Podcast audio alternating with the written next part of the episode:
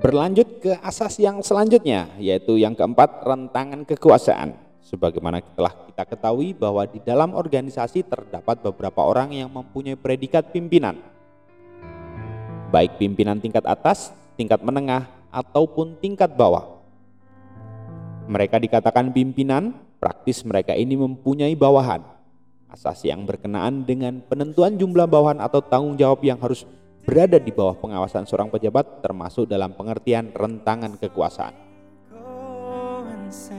Menentukan jumlah orang atau jenis tanggung jawab yang tepat yang harus berada di bawah pengawasan seorang pejabat supaya dapat dipimpin dengan baik adalah merupakan suatu masalah yang sulit dan harus dipecahkan dalam organisasi.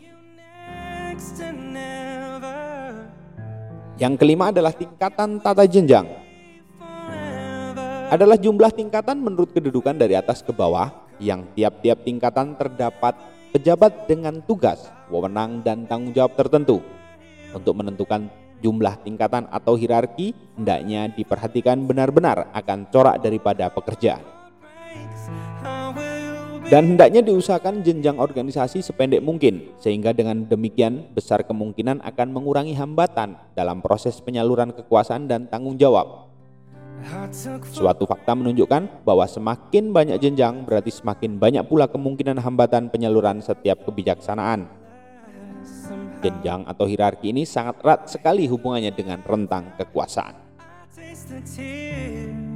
Yang keenam adalah kesatuan perintah dan tanggung jawab. Sebagaimana telah disinggung sebelumnya bahwa di dalam organisasi pasti kita jumpai adanya satuan-satuan tugas yang harus dilaksanakan oleh pelaksana. Oleh karenanya, setiap pelaksana hendaknya hanya menerima perintah dan tanggung jawab dari atasan dan dilaksanakan dengan menggunakan saluran komunikasi yang tegas. Maksudnya agar semua pertugas dapat mengetahui dari siapa ia menerima perintah dan kepada siapa ia harus mempertanggungjawabkan hasil pekerjaannya.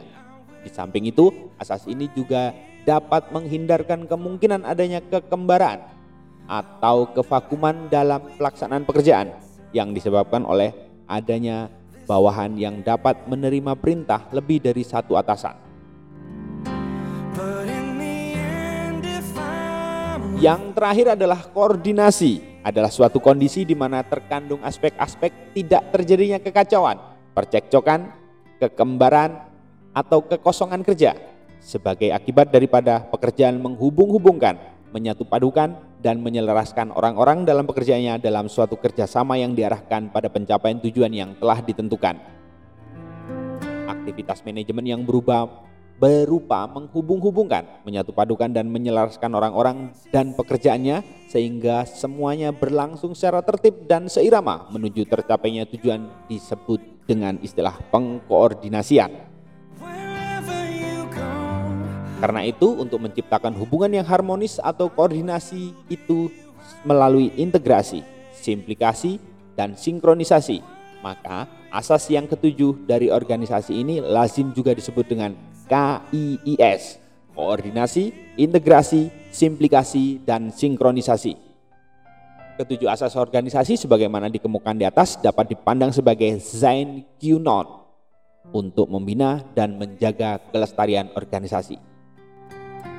Demikian singkat tentang keorganisasian dari saya Jawad Bahonar. Sampai jumpa di segmen selanjutnya.